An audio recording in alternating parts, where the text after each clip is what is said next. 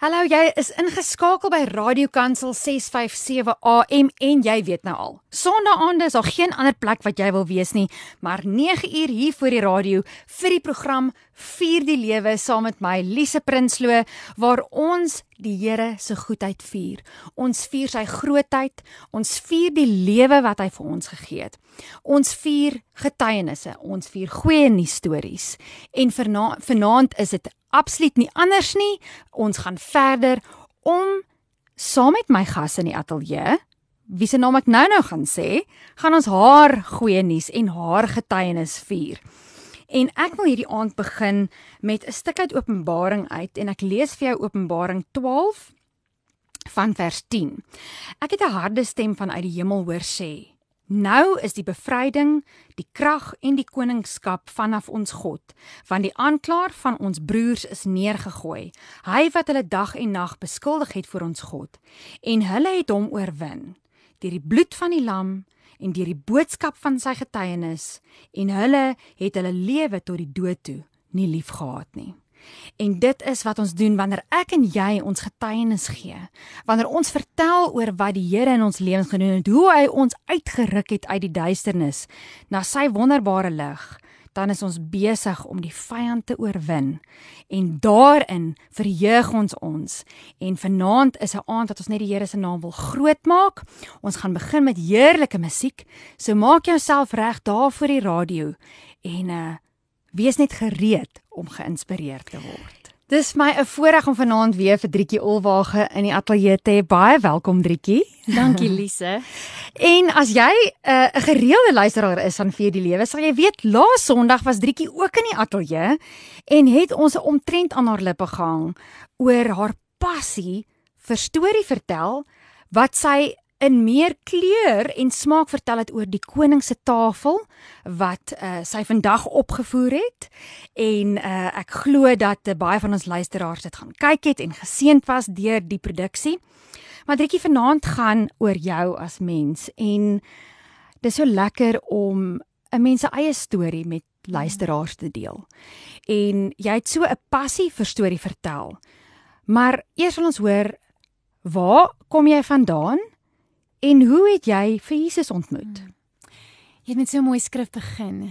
Daai een in Openbaring 12 vers 11 wat sê dat hulle hom oorkom het met deur die bloed van die lam en die woord van hulle getuienis. En iets wat ek in my storie vertel jare nou, ehm um, gelees het, raak gelees het, was dat navorsing bewys het, nê, nee, dat mense, of 5% van mense, mm -hmm. kom tot bekering, gee hulle lewe vir Jesus as gevolg van preke en 60% as gevolg van getuienisse. Hmm, van stories. Nou sien jy. So daar is regtig krag in stories en elkeen van ons het 'n storie om te vertel en ons mag nie stil bly nie. Want as iemand wat gaan aanklank vind by jou storie en wat nodig het om jou storie te hoor. Amen. So my storie, ek het groot geword in 'n Christelike huis. Ehm um, pa en ma wat regtig 'n pad stap met ons Vader en hom soek.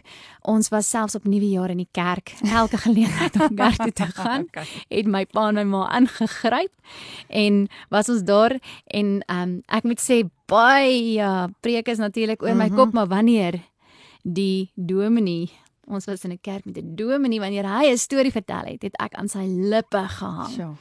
En daar was natuurlik altyd na die tyd het hy gevra wie wil vorentoe kom vir gebed om hulle harte te gee. En ek onthou ek was 4 jaar oud. 4 jaar toe hy weer een aand gevra en ek het my hand hoog opgesteek. Want ek wou met alles in my. Ek was 4 en ek wou met alles in my hierdie Jesus net in my lewe hê want ek hm. sien dit in my pa ek sien hoe hy hom dien ek hoor hoe hy bid vroeg in die oggende ek sien my ma pa knie um baie keer by haar bed. So ek wou 'n persoonlike verhouding met Jesus hê en as dit is wat dit vat dan wil ek dit doen. So my hand opgesteek maar nie vorentoe gegaan nie. Um net gebly sit waar ek is maar my pa moes dit raak gesien het. Want daardie aand toe ek in die bed is toe kom hy by my kamer ingesluip en hy kom sit by my. En hy kom sê vir my Hy wil net hê ek moet weet hy het gesien wat vanaand gebeur het. En hy begin die hemel vir my beskryf. Maar nie goue strate nie daai mm, nie. 'n mm, mm. partytjie tafel. Hy sê vir my daar's 'n partytjie tafel in die hemel op hierdie oomblik. En daar's ballonne en daar's 'n banier met my naam op. En vanaand vier hulle fees oor Drietjie ja gesê het vir Jesus. Wow. En dit is wat ek onthou.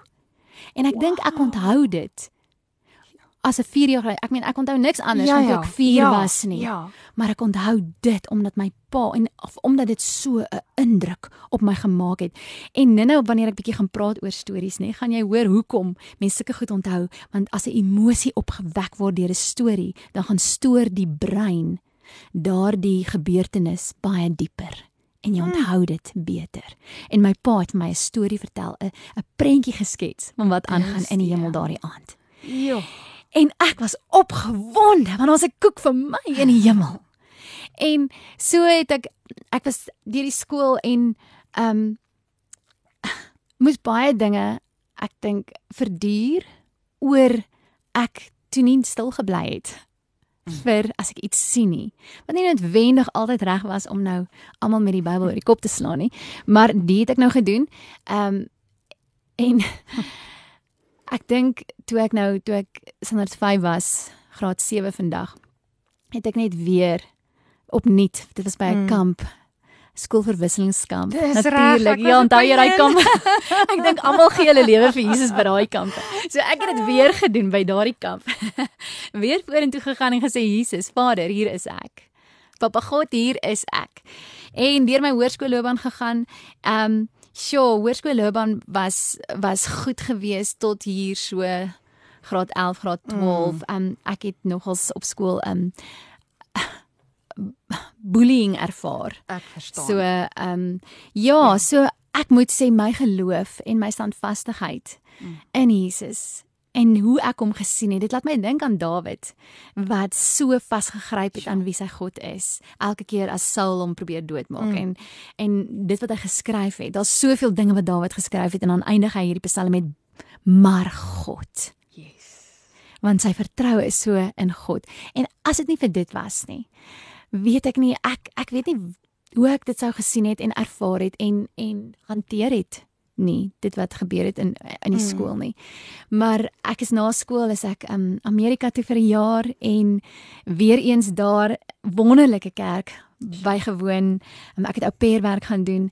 Um by wonderlike mense uitgekom wat Christene is. My huisfamilie self was nie Christene nie, maar en daar weer in die kerk weer jo. opnuut want toe kom ek in 'n kerk waar daar um ja, hulle is bietjie wat ek sê amper um die woord word anders oopgebreek en ek ek leer dinge anders en dit ek was ek was gefassineerd met die woord en met met um om in tale te praat.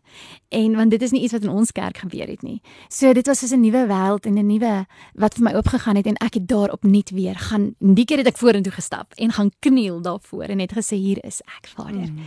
So um ja, so dit is my dit is my storie wat dit aanbetref en ag ek het net ek ek dit voel partykeer vir ek soos 'n kind glo in sy goedheid. Ehm um, en, en daarom het ek moet wees nie. Dit moet sê ja dit dit is dit is mm. en ek dink daarom wil ek skryf ek stories om vir kinders te vertel van hierdie goeie pappa. Sure. Hierdie goeie vader. Een van my stories gaan oor die krag van ons woorde. Wat sê jy van jouself? Hoe sien jy jouself? Wat mm. dink jy van jouself? Want jou identiteit, daar is iets wat 'n skepper oor jou geskryf het oor jou neergepen het toe hy jou aan mekaar gewewe het. Wat is dit? Wat is die waarheid? Ehm um, so dit is my hart om Jesus op 'n op 'n nuwe manier ehm um, lewendig te maak vir kinders. Triekie, uh vertel vir ons waar het hierdie passie vir stories en vir storie vertel begin? Ek dink My ma was toe ek 'n klein babietjie was, was sy by my oupa hulle gewees op 'n stadium. Bietjie daar gaan kuier en ek het 'n vreeslike gil opgesit. En op daardie oomblik my ma het my vertel toe ek nou al groter was. Toe my oupa so vir my gekyk en hy het gesê, "Ek dink hierdie kind gaan eendag op die verhoog wees." Nou of hy geprofeteer het of net gepraat het, ek weet sure. nie, maar ek het 'n liefde en 'n begeerte gehad vir die verhoog mm. en om stories te vertel. En dit kom al baie jare vandat ek kan onthou. En een van die grootste geskenke wat ooit vir my gegee is, is die gawe om te kan lees. Ja, en absoluut. Ek, want want dit maak nuwe wêrelde vir jou oop. As jy kan lees, jy kan ontsnap in al hierdie wêrelde. En ek onthou ek het so ek en my graad 1 juffrou is nou nog het nou nog kontak. Dis Ehm, amazing. En ek het so ruk terug vir haar 'n boodskap gestuur om net vir haar te sê juffrou, ek wil net vir juffrou dankie sê vir een van die grootste geskenke wat ek ooit ontvang het. En dit is dat ek kan lees en juffrou het my geleer lees en ek wil vir jou dankie sê vir dit. Want die dag toe ek kon lees, was die media sentrum my happy place. en het ek gaan boeke uitneem en met my neus in 'n boek weggeraak in hierdie wêrelde. So ek is ja. baie lief vir stories. Uh na skool het ek drama gaan studeer of ek was eers in Amerika vir 'n jaar as au pair. Uh, want ek wou Hollywood gaan sien het want toe die stories en die liefde vir die verhoog het toe nou geskuif na ek wil films maak, vir die kameras wees. So ek het au pair werk gaan doen, baie getoer in Amerika. Dit was lieflik geweest. Teruggekom en 3 jaar drama gestudeer. Ehm um, na my drama is ek toe Engeland toe waar ek vir 2 jaar gaan werk het in Engeland. Daar het ek bietjie film en TV kursus gedoen, maar opgeëindig om in hierdie ateljee's te werk saam met ander akteurs. Een van hulle was 'n opera sanger ook. Ehm um, verhoogakteurs, filmakteurs wat op daardie stadium nie werk het nie. So jy werk by hierdie ateljee's. Jy bied hierdie klasse aan vir hierdie mammas met um, met hulle kindertjies of nannies en kinders mm. en jy sing en jy vertel stories en die kinders klim klim rame en jy skep net hierdie wêreld vir hulle. So ek was een van die aanbieders in daardie ateljee's in Engeland. So dit het ek toe nou gedoen en in daardie tyd het ek ook verloof geraak met my my boerseun wat ook daar in Engeland was. Ehm um, ja. ons was saam daar gewees en verloof geraak en teruggekom en ons is getroud en kort nadat ek ons getroud is, het ek eendag verby 'n kinderteater gery. Baie lank terug was daar Bubble Box. Ja. En ek het gesien en ek het dadelik gestop en ingegaan en gesê, "Kan ek asseblief kom vir 'n audisie?" En hulle het juis op daardie stadium op was hulle op soek na akteurs vir 'n nuwe kinderproduksie. En ek het 'n audisie gaan doen en ek het dit gekry en so het my my um journey begin met Bubble Box. Baie kinderteater daar gedoen. Um maar iets het gebeur toe ek en Dani gaan vakansie hou in George eendag. Mm. En ek het gestap op die sypaadjie en daar was 'n klein boekwinkeltjie met sulke ou boekies. Uh en vir goedkoop en ek het een boek gevat, gesien hy klomp stories in, uh kort stories en ek het hom gekoop. En dit was 'n boek van Jason Moody. En toe ek agterlees, toe sien ek maar hy is 'n professionele storieverteller. En my hart het sommer so begin klop, want ek het nog nooit van so iets gehoor nie. En ek gedink 'n professionele storieverteller. Daar is actually so Daar iets. is so iets. Ek weet nie van dit in Suid-Afrika nie. In Suid-Afrika nie. Hoe doen jy dit? Waar doen jy dit? Hoe begin jy? Maar dis iets wat ek wil doen. En die geleentheid het toe gouer gekom as wat ek gedink het. Ek was op daardie stadium besig met 'n kursus deur Neo Birth. Mm. En in ons leermateriaal was daar 'n 'n kort verhaal wat geskryf is deur Max Lucado oor Jesus en die Samaritaanse vrou. So briljant geskryf. Die storie het my so aangeraak dat ek hom gaan oorvertaal het in Afrikaans en hom uit my kop uit gaan leer het vir as daar 'n geleentheid sou kom waar ek ooit hom kan opvoer. So ek het hom net gehad. En kort daarna is ek toe nou by 'n vrouekamp as 'n kampganger en die spreker het die oggend so mooi gepraat en sy het Jesus en die Samaritaanse vrou genoem. Ja, En, en skielik begin my hart klop. En ek weet ek moet haar net gaan vra. Wow. En na die tyd gaan vra ek haar, ek sê, "Ag, ek kan nie eens onthou of ek haar Tannie genoem het nie, want sy was heelwat ouer as ek." En sê, "Tannie, kan ek asseblief, ek het hierdie hierdie een vrou stuk van Jesus en die Samaritaanse vrou. Kan ek hom dalk opvoer as daar weer geleentheid is?" En sy sê sy sal my die aand dalk 'n kans gee. En daai hele middag het ek myself afgesonder op 'n klip en ek het hierdie woorde gaan neerskryf en dit weer geleer uit my kop uit sodat ek gereed sal wees en hom geoefen vir die aand. Aand het gekom, sy het so mooi gepraat, ek het skoon vergeet van dit. En op 'n stadium toe raak sy net stil en sy sê hier is iets wat iets, ag hier is iemand wat iets wil doen. En ek het so warm geword, geweet sy praat van my. En ek het stadig opgestaan en verhoog toe gestap. En ek het Jesus en die Samaritaanse vrou opgevoer vir al daardie vrouens. Jy was 'n professionele storieverteller. Ek was, dit was die begin van my reis. En daar was 'n groep tannies daar, so in hulle laat 50s, vroeg 60s, wat my na die tyd kom omhels het en kom sê het wat dit vir hulle beteken het. Hmm. Um en die volgende oggend kom daar dieselfde tannie na my toe. Sy sê: "Hoorie, ek word binnekort 60. Ek bly in Ermelo. Sal jy asseblief by my 60ste verjaarsdag kom optree?"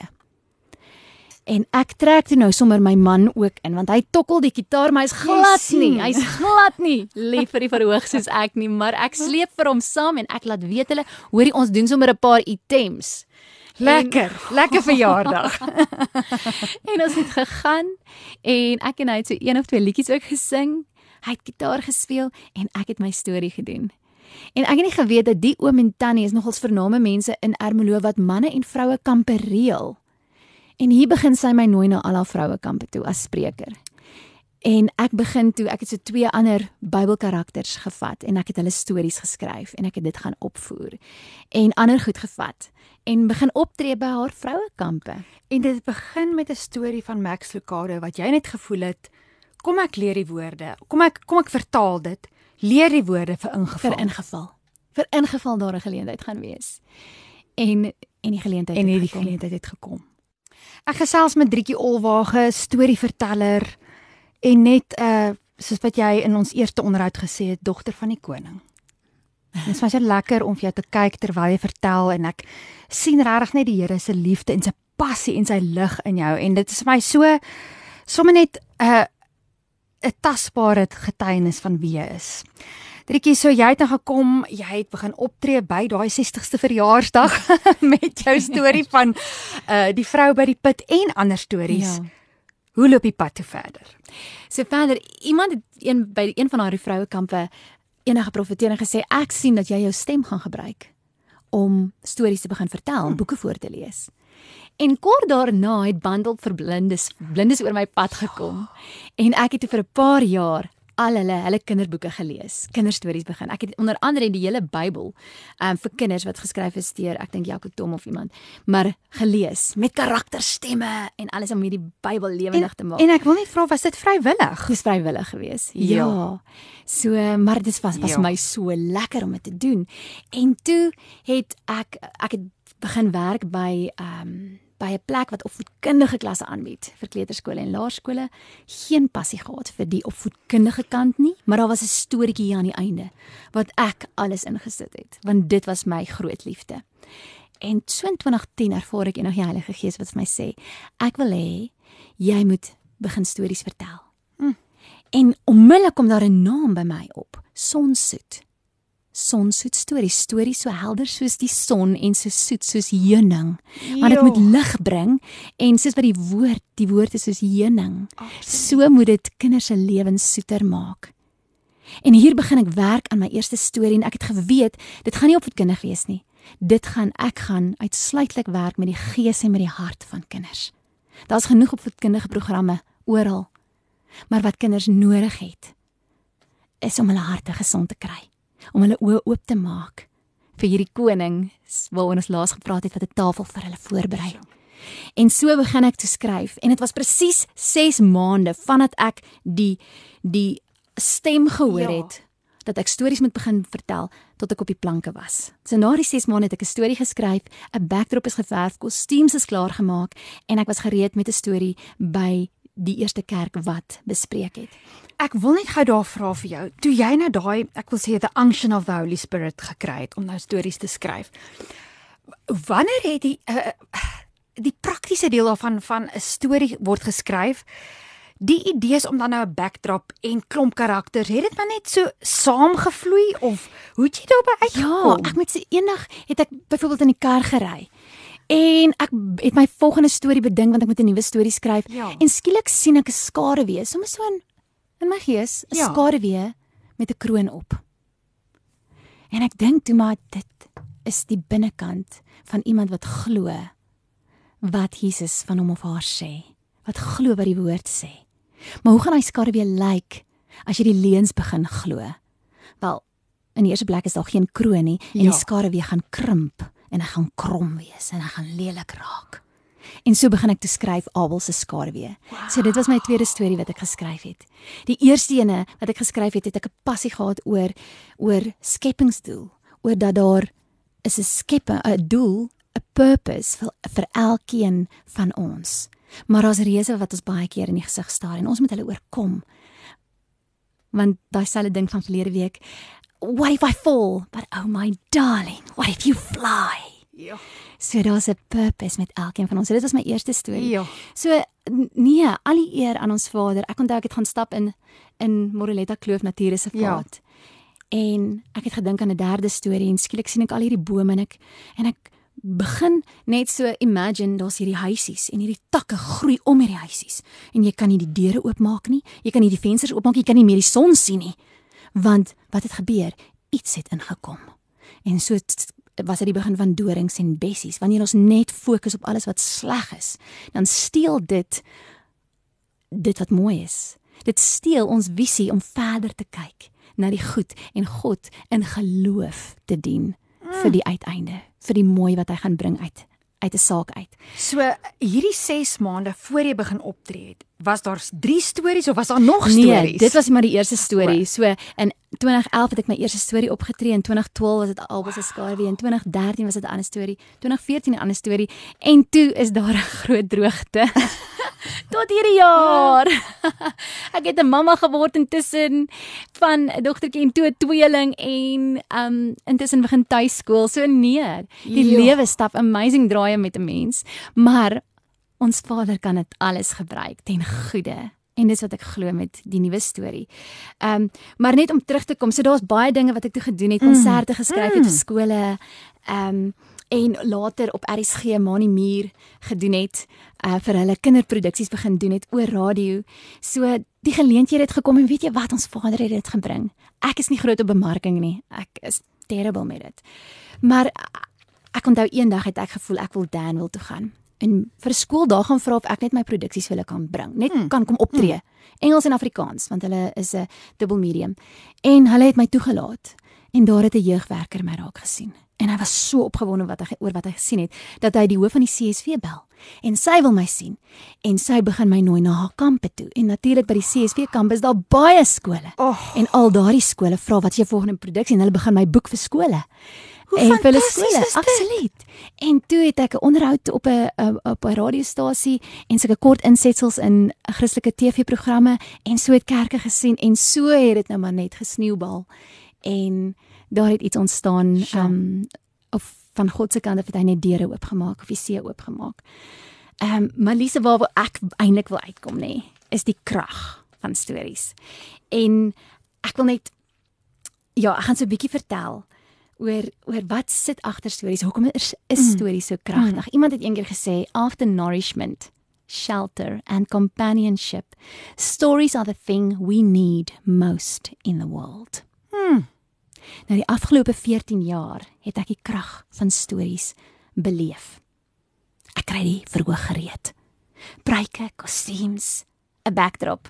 Die kinders stroom die saal in 50, 500, 1500. Hulle wag in stilte. Ek begin praat. Die seniors rol hulle oë toe hulle hoor ek gaan 'n storie vertel. 'n Storie. Ja.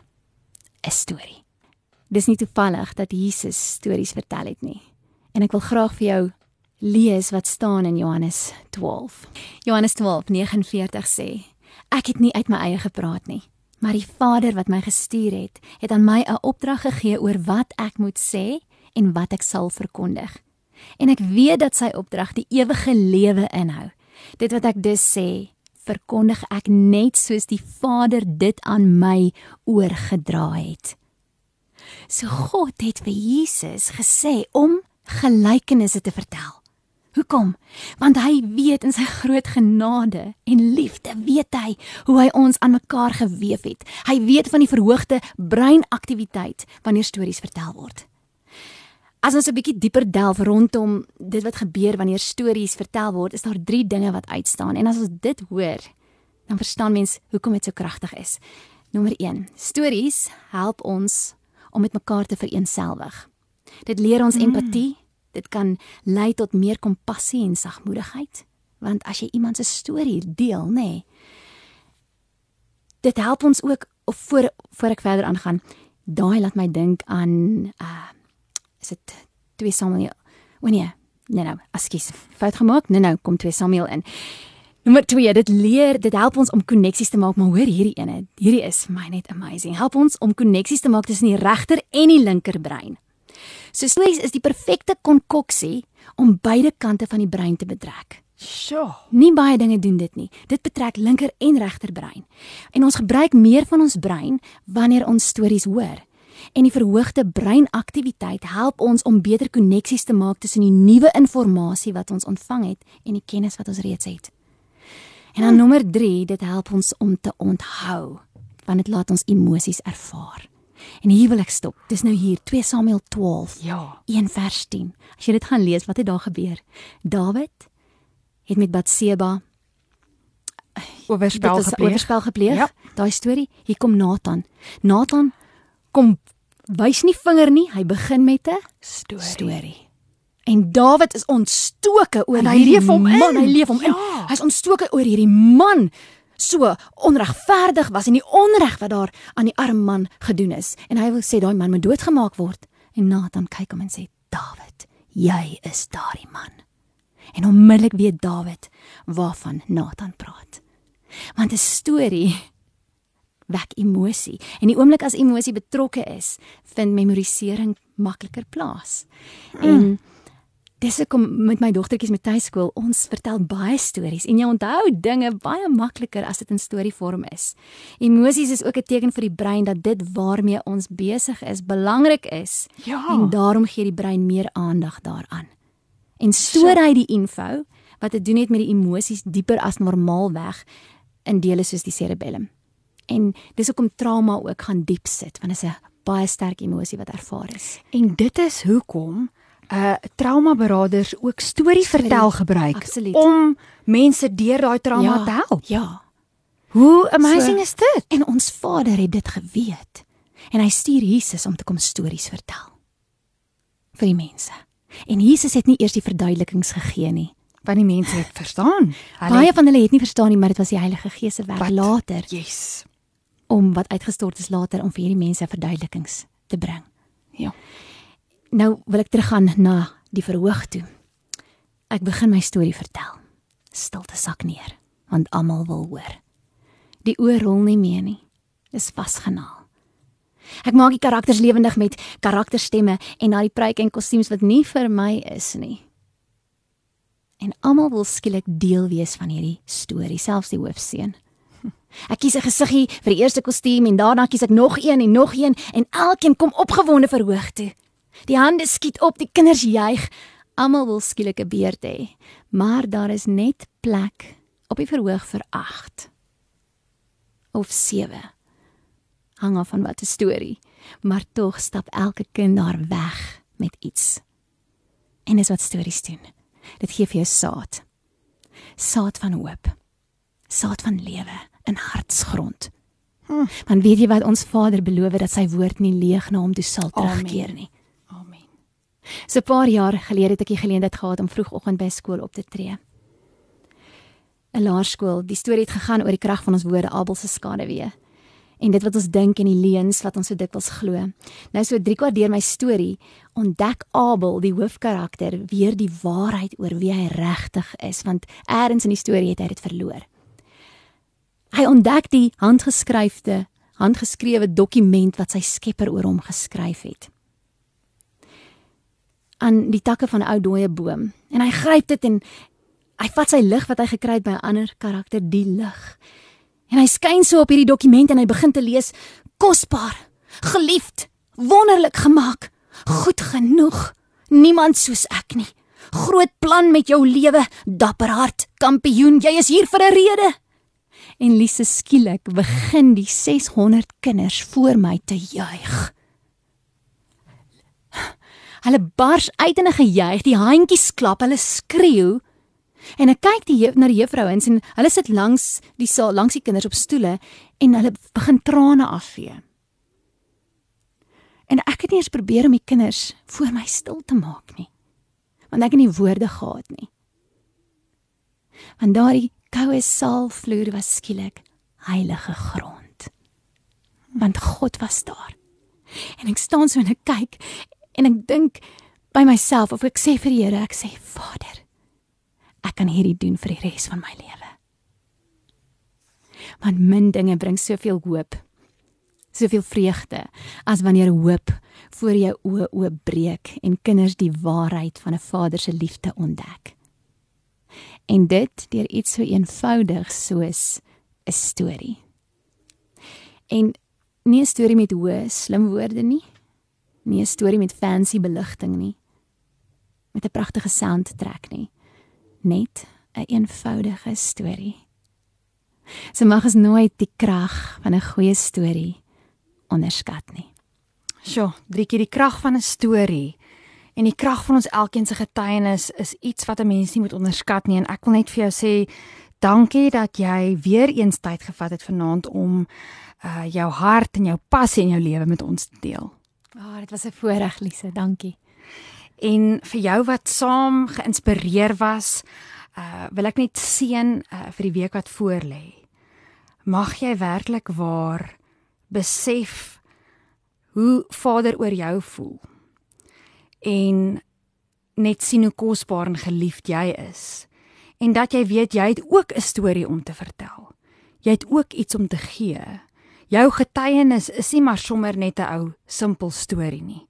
Dit is relevant en dit is daar om 'n verskil te maak in ander mense se lewens en ek herinner jou aan Openbaring 12 vers 10 en 11.